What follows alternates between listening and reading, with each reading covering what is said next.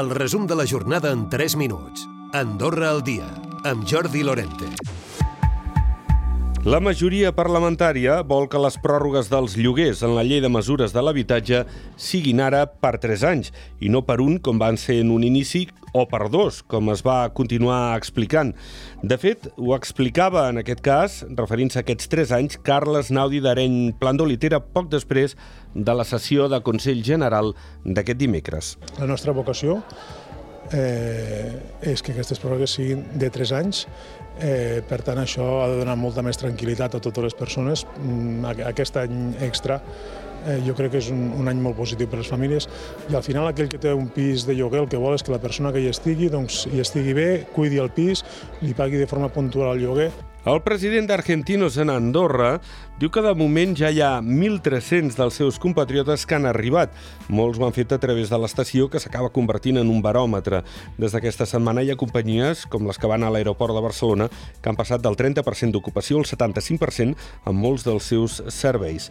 El president de l'associació, Marcelo Ponce, diu que aquesta temporada han arribat amb més organització que d'altres anys. Al dia d'avui ja tenim més de 1.300 i avui, des d'avui fins al dilluns, potser, sobretot avui, eh, arribaran a prop de 300 o entre 300 i 500, que la majoria en aquest cas, en aquest any, arriben la majoria ja amb precontractes o entrevistes molt concretes ja quasi per arribar a una feina per obtenir un permès, no?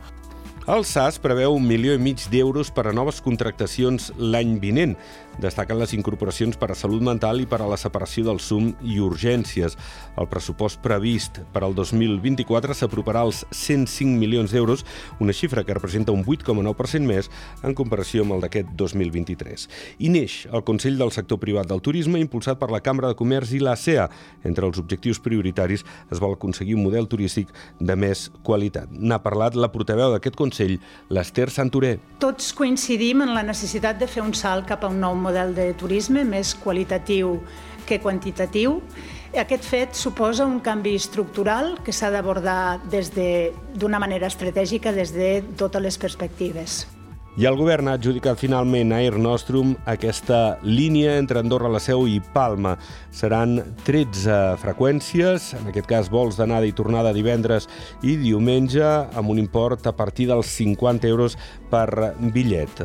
Aquests vols començaran al gener, s'allargaran fins al març. La segona fira d'orientació per estudiar a França ja té data. Serà el dijous 23 de novembre al Centre de Congressos d'Andorra la Vella.